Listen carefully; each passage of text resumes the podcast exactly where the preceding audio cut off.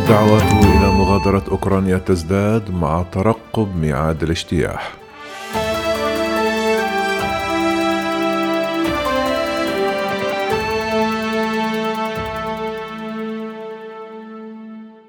مع تصاعد حدة الأزمة الأوكرانية وتحسبا لهجوم روسي محتمل دعت عدة دول رعاياها إلى مغادرة الأراضي الأوكرانية على الفور وسحبت أطقمها الدبلوماسية أو خفضت من حضورها.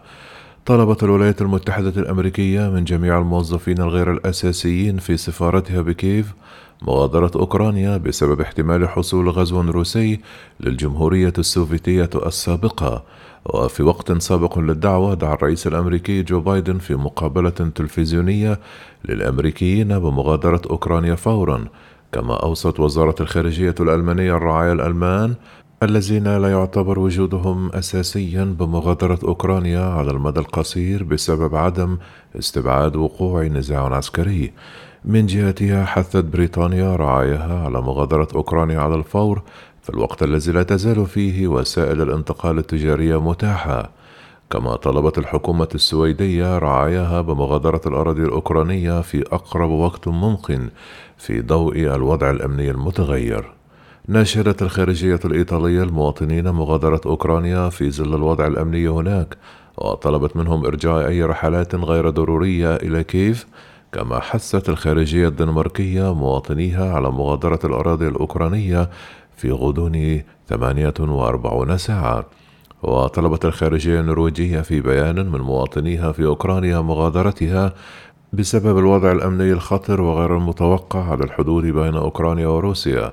وقالت وزارة الخارجية الهولندية في بيان أن سفيرها في كييف عقد اجتماعا مرئيا مع المواطنين الهولنديين المقيمين في أوكرانيا داعيا رعايا بلاده لمغادرة أوكرانيا بالسرعة القصوى مشيرا إلى أنه يجب على الراغبين في البقاء التحضير جيدا لاحتمال قيام الحرب. كما غردت وزارة الخارجية الإسرائيلية يوم السبت داعية الإسرائيليين إلى المغادرة وجاء في بيان للوزارة. وطلبت وزارة الخارجية في نيوزيلندا جميع مواطنيها في أوكرانيا بالمغادرة فورا من هناك في ظل تصاعد حدة التوتر بين روسيا وأوكرانيا. وعربيا انضمت العراق والكويت والسعودية والأردن والإمارات والمغرب إلى القائمة المتزايدة للدول التي تحث مواطنيها يوم السبت على مغادرة أوكرانيا. كما دعت وزارة الخارجية الكويتية رعاياها الموجودين أوكرانيا إلى المغادرة على الفور حفاظا على سلامتهم وفق ما ذكرت وكالة الأنباء الكويتية كما حثت الوزارة الكويتيين على تأخير أي سفر إلى أوكرانيا.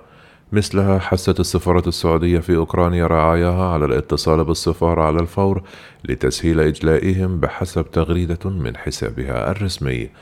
كما أصدرت الخارجية الأردنية بيانا يوم السبت حثت فيه الأردنيين على عدم السفر إلى أوكرانيا وقال البيان أن على الأردنيين في أوكرانيا الاستعداد للإجلاء.